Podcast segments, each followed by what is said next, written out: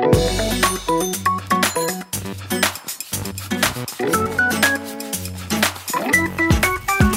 Hey, hallo. Welkom bij de slotaflevering van Iedereen Flandrien. Ondertussen heb je geleerd hoe je best gaat trainen, welke challenges je kan aangaan en ook op welke brandstof je dat doet. Tijd om er nog een bonusaflevering tegenaan te gooien over je uitrusting. Wat doe je aan op de fiets en eh, op welke fiets ga je zitten? Alles over de juiste kledij en het betere materiaal om van jou een echte Flandrien te maken. Dat hoor je hier van Guy Fransen in de laatste aflevering van deze podcastproductie van het Nieuwsblad in samenwerking met onze partners Skoda, Cofidis en Primus.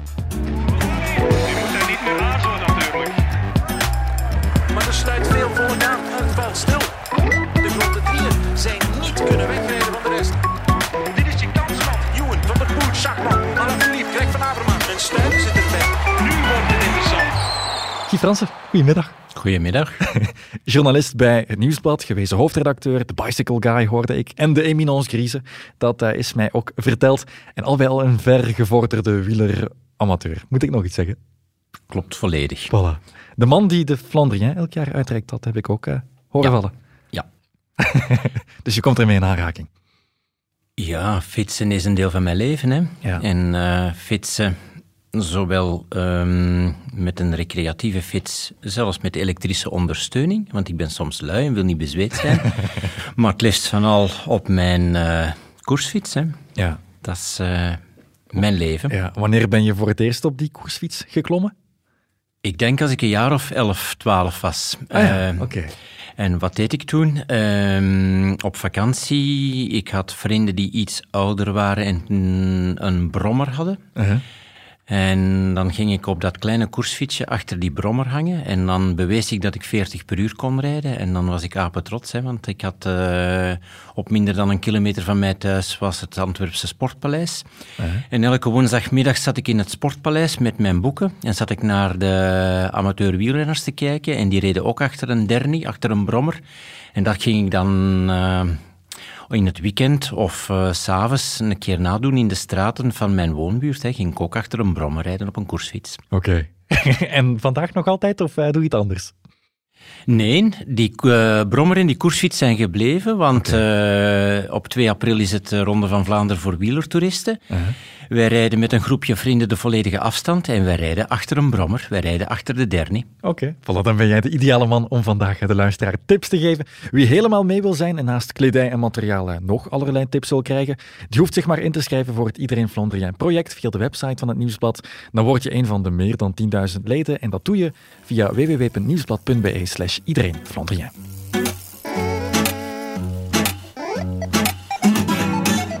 Laten we beginnen bij het materiaal. Guy, um, daar zitten veel verschillen in, specificaties en uh, opties. De fiets aan zich, um, daar begint het natuurlijk bij. Een beginner wil misschien geen al te groot risico nemen, gaat voor een tweedehandsfiets of een basisfiets, dat is realistisch. Um, wat raad jij dan aan? Om te beginnen, ik ben geen voorstander van tweedehandsfietsen. Okay. Je weet niet wat je koopt en de verborgen gebreken komen toch altijd tevoorschijn. Ja. Dus ik zou zeggen, blijf daar af. Hè? Sorry mensen van de tweedehands sites, maar niet bij mij. Twee, kijk naar je geldbeurs. Mhm. Maak je budget en blijf daarbij. Uh, doe niet te gek. Drie, kijk niet naar merken. Mhm. En kijk vooral, en dat is wat ik het meeste doe als ik beginners op de fiets zie, en ik heb er nu een paar begeleid met iedereen Flandrien de voorbije weken. Ik kijk nooit naar het merk, ik kijk nooit naar de kwaliteit van de fiets. Ik kijk vooral, past die fiets bij hij of zij die erop rijdt? Ja. En omgekeerd, past hij of zij die erop rijdt bij die fiets? Mm -hmm. Met andere woorden, zit die goed? Zit hij of zij juist op die fiets? En dat is voor mij het allerbelangrijkste. Die fiets moet zoals een jurk of een kostuum passen. Uh -huh. Je bent niet met een jurk of een kostuum waarvan je gaat redeneren, ik zal het wel wat innemen of ik zal wat kilo's bijkomen, dan past dat niet. En zo is dat ook met een fiets. Een fiets past of past niet. En je kan wel hier en daar wat bijsturen met je stuur en met je zadel, maar in basis moet die juist zitten. En daar zijn wel wat spelregels voor die je zelf via het internet uh, of door het lezen van onze rubriek in de krant uh, en op de site kan oppikken. Maar als je bij een bona fide fietshandelaar bent, die zal je geen fiets verkopen die niet past. En dan gaan we pas in tweede orde praten over welk soort materiaal dat dat moet zijn, of dat dat een metalen frame dan wel een carbon moet zijn.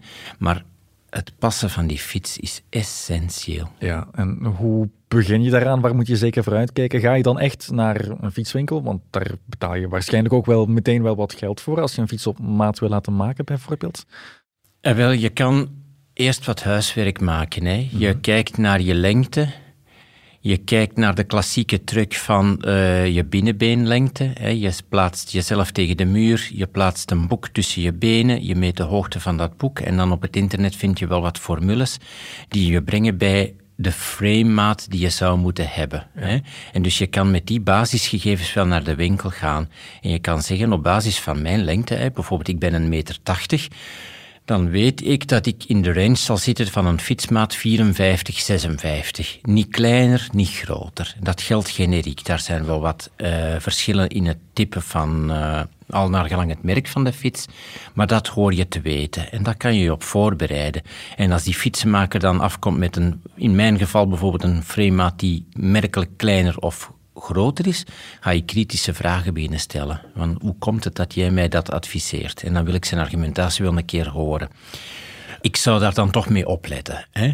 Uh, dus je kan zelf wat meten. En dan op de meeste fietsen staan ook de aanduidingen van de maten. Of je kan, of weer al via het internet, eens een keer gaan kijken of het een merk is dat werkt met de klassieke cijfers zoals die al jaren uh, aan gang zijn in de fietswereld, 52, 54, 56, 58 en verder. Of zoals de nieuwe generatie met zoals XS, S, M, L enzovoort. Dus je kan wel wat gaan voorbereiding doen en dan naar die fietswinkel gaan. Okay. Als je die fiets zelf gaat samenstellen, daar komt inderdaad voorbereiding mee. Je hebt ook weer heel wat keuze. Um, welke remmen, welke wielen, welke banden, het materiaal van je frame. Um, je had het daar net al over. Is de carbon hype het bijvoorbeeld waard? Die carbon hype is leuk, fantastisch, super. En je bent in daarmee, maar die is absoluut niet noodzakelijk. Je kan even goed fietsen met een stalen of een aluminiumframe als met een carbonframe. Hè. Meer zelfs, je hebt in bepaalde aluminiumsoorten betere frames dan in een carbonframe. Maar we spreken hier nu over de doorsnee wielertoerist die niet de kracht heeft van een Mathieu van der Poel of een Wout van Aert of een Pogacar. Mm Dat doet er eigenlijk niet toe.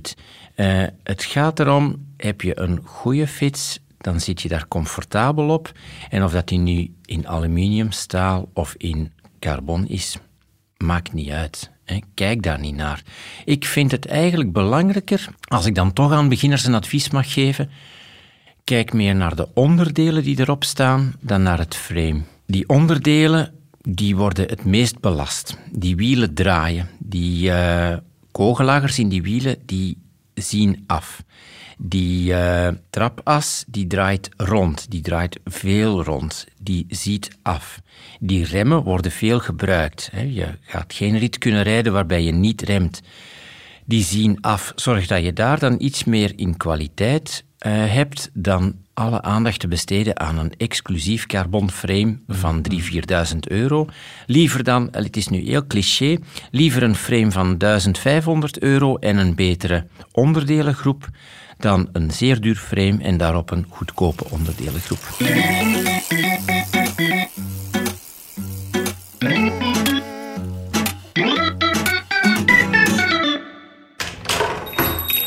Een demarrage naar de toog. Voor mij een alsjeblieft. Oké. Er komt beweging in het peloton. Jo, we zitten met een ontsnapping. Jawel, er is er eentje weg. De eindsprint wordt ingezet. En een Flandrien voor u, alsjeblieft. Het kan niet meer fout lopen. De laatste meters. Merci. School, hè. Oh, daar gaat hem. Daar gaat hem. Ah, schitterend. Dat is een echte Flandrien. Goesting naar meer? Demareer naar nieuwsbladshop.be en bestel de unieke Flandrien-box. Ons vakmanschap drink je met verstand. Iets heel specifieks, klikpedalen. Dat is wennen voor beginners, gok ik. Maar dat is wel iets waarmee ze vooruitgang kunnen boeken en uiteindelijk ook vlotter zullen fietsen. Hoe doe jij dat? Ik weet dat een klikpedaal iets angstaanjagend is voor een beginner. Hè? Uh-huh. En het zal ook gebeuren. Iemand die voor het eerst met klikpedalen rijdt, gaat uh, van zodra hij een keer uh, onverwacht moet stoppen, vergeten vanuit dat klikpedaal te klikken uh-huh. en vallen. Hè? Omvallen. Aan de andere kant, het klikpedaal heeft zoveel voordelen. En het belangrijkste voordeel is, je bent door dat klikpedaal één met je fiets. Als je fietst met gewone pedalen, zonder kliksysteem, zal je met je voeten nog kunnen spelen. Hè? Dan kan je die bij wijze van spreken uh, naast je trappers houden en dan gaan die trappers nog lekker ronddraaien. Met klikpedalen is dat niet het geval. Je hebt daardoor meer controle over die fiets. Ik vergelijk dat altijd met gaan skiën. Als je een goede skibinding hebt, en je gaat naar beneden, je hebt vertrouwen in die skilatten en die skibinding, dan ben je één met die skilatten. Mm En zo is dat ook met die klikpedalen.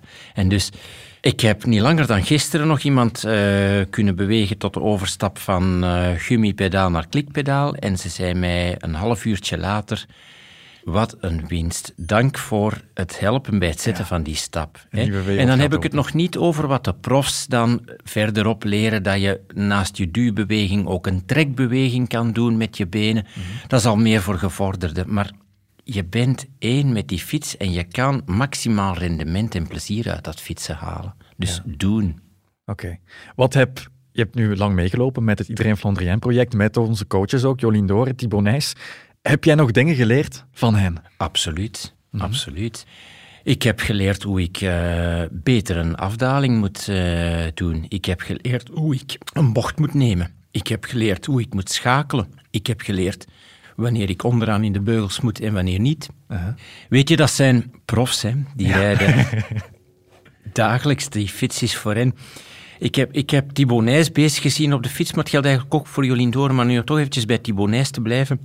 Je merkt eigenlijk nauwelijks dat hij een fiets tussen zijn benen heeft. Die uh, speelt daarmee, die doet daar dingen mee dat je zegt, dat is kunnen. Hè. En daar kan ik als wielertourist met daar met mee te rijden of uh, eens goed naar te kijken, wel wat dingen van oppikken. Dus ja, je leert heel veel bij. Hè. Ja, Thibaut Nijs zei in de reeks onder andere dat wielertoeristen vooral zichzelf moeten blijven ook en niet moeten proberen om een kopie van eh, de profrenners op tv te willen worden. Geldt dat ook voor het materiaal dan? Je hoeft jezelf niet te gaan meten aan uh, Pogacar in zijn uh, prestatie in de straat, ook niet aan zijn hypermoderne Colnago of zo. Kijk, hè, als je het budget hebt en je wilt dat eraan besteden, dan moet je dat doen. Hè.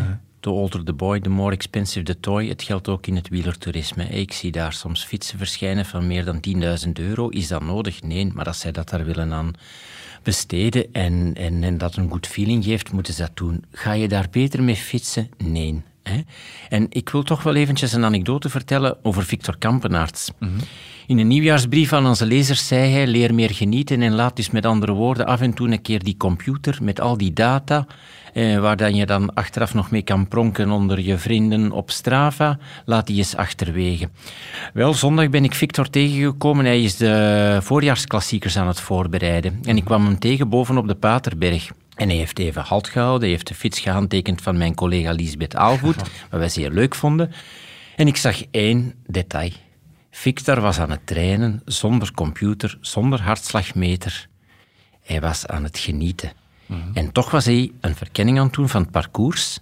En toch was hij met zijn werk bezig. Maar hij zegt altijd, laat een keer die data en al die fetisch dingetjes rond ik moet dat delen en ik heb pas een goede training als ik kan tonen dat ik 30 per uur gemiddeld heb gereden. Laat dan een keer achterwege, kijk rond, geniet. En je zal ook wel afzien zonder fietscomputer hoor. De wind blijft hetzelfde, of dat je nu een fietscomputer hebt of niet. Het blijft even hard waaien, het zij op kop, het zij in de rug en dan kan je genieten. Maar je hebt die fietscomputer niet voor nodig. Dus probeer jezelf te zijn. Probeer niet die profs te, uh, te, imiteren, want ze zijn toch beter. Ze overtreffen je altijd. Je gaat nooit aan de prestaties op Strava geraken. Mathieu van der Poel, ik heb het nu toch een keer gemeten op de Oude Kwaremond. Mm Mathieu van der Poel gaat dubbel zo snel over het traject op de Kwaremond als ik zelf.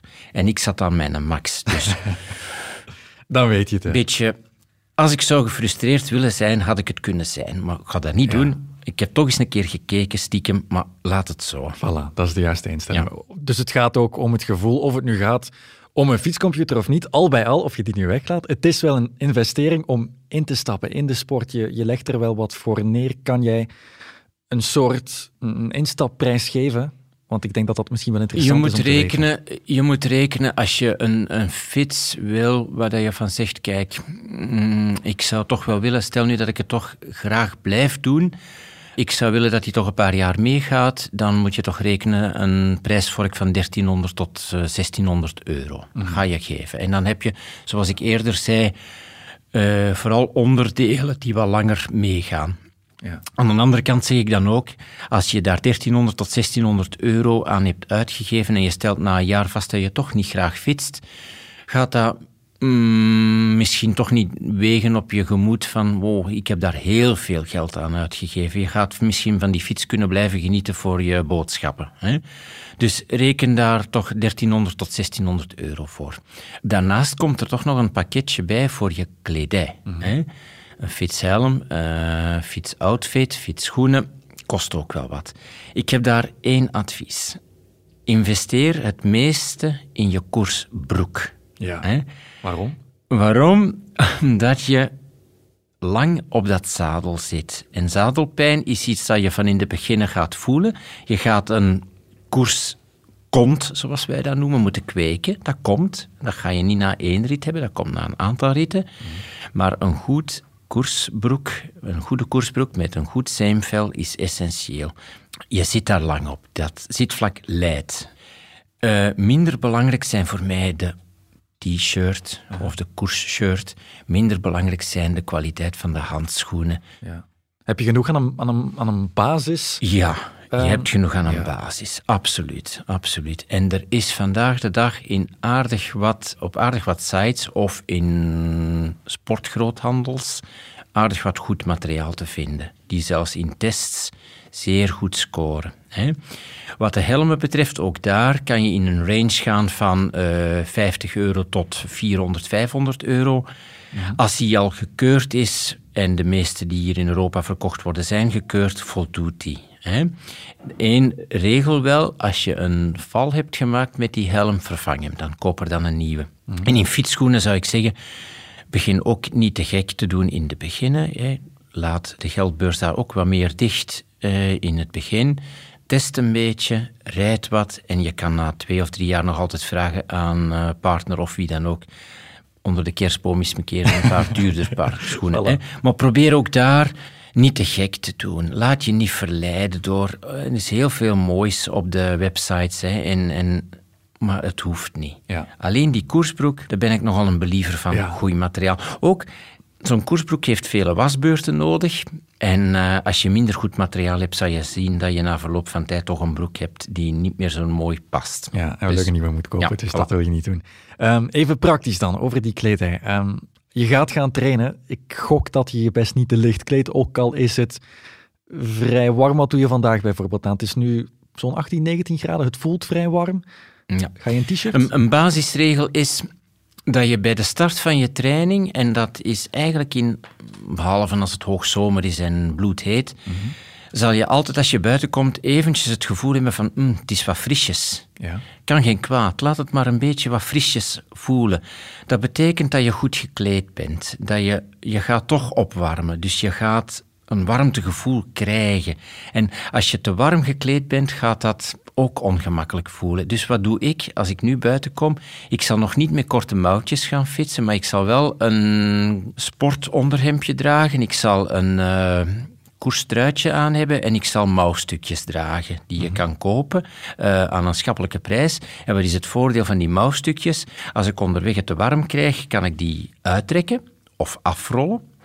Krijg ik het terug wat frisjes omdat de wind waait, stroop ik ze terug op en heb ik weer een kledingstuk met lange mouwen. Dat doe ik ook met mijn beenstukken. Ik ga nu fietsen met een koersbroek met korte pijpjes, maar ik heb beenstukjes bij. Ik draag die bij de start, voel ik na verloop van tijd... mm, het is wel lekker weer, ik kan die beenstukken uittrekken, dan trek ik die uit. Wordt het toch wat frisser later op de avond, trek ik die terug onderaan. Tijdens een en dezelfde training. Dus niet te warm kleden bij de start.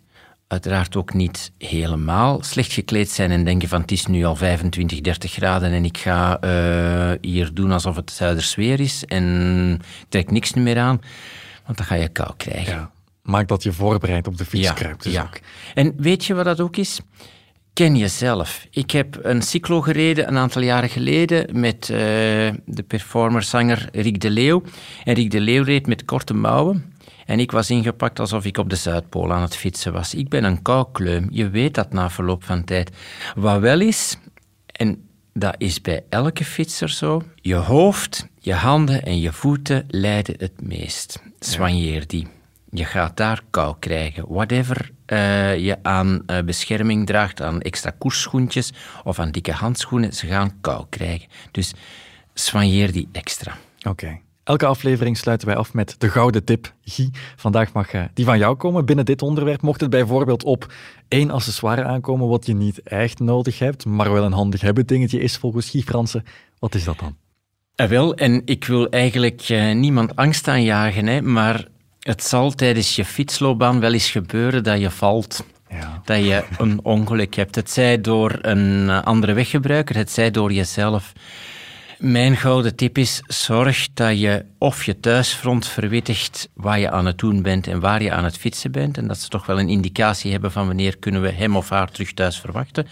Of een tweede, als je zou vallen en je bent uh, toch wel een beetje zwaar beschadigd en je kan niet direct zeggen wat er aan de hand is, dat je zeer snel identificeerbaar bent. En mijn gadget, mijn favoriet gadget, ik heb een armbandje uh, gekocht via het internet waar ik uh, mijn data heb in laten graveren en waar mijn bloedgroep in staat en waar het noodnummer staat van enkele mensen die mij dierbaar zijn, die onmiddellijk kunnen gebeld worden door omstaanders van kijk, er ligt hier iemand tegen de grond, mm, wij willen nu al dat signaleren. Dus kijk ook daar eens een keer naar. Voilà, dat is een uitstekende tip, denk ik. Dan brengt een slot aan deze podcastreeks. Het deksel mag erop. Merci om te luisteren. Wil je nog uh, veel meer te weten komen?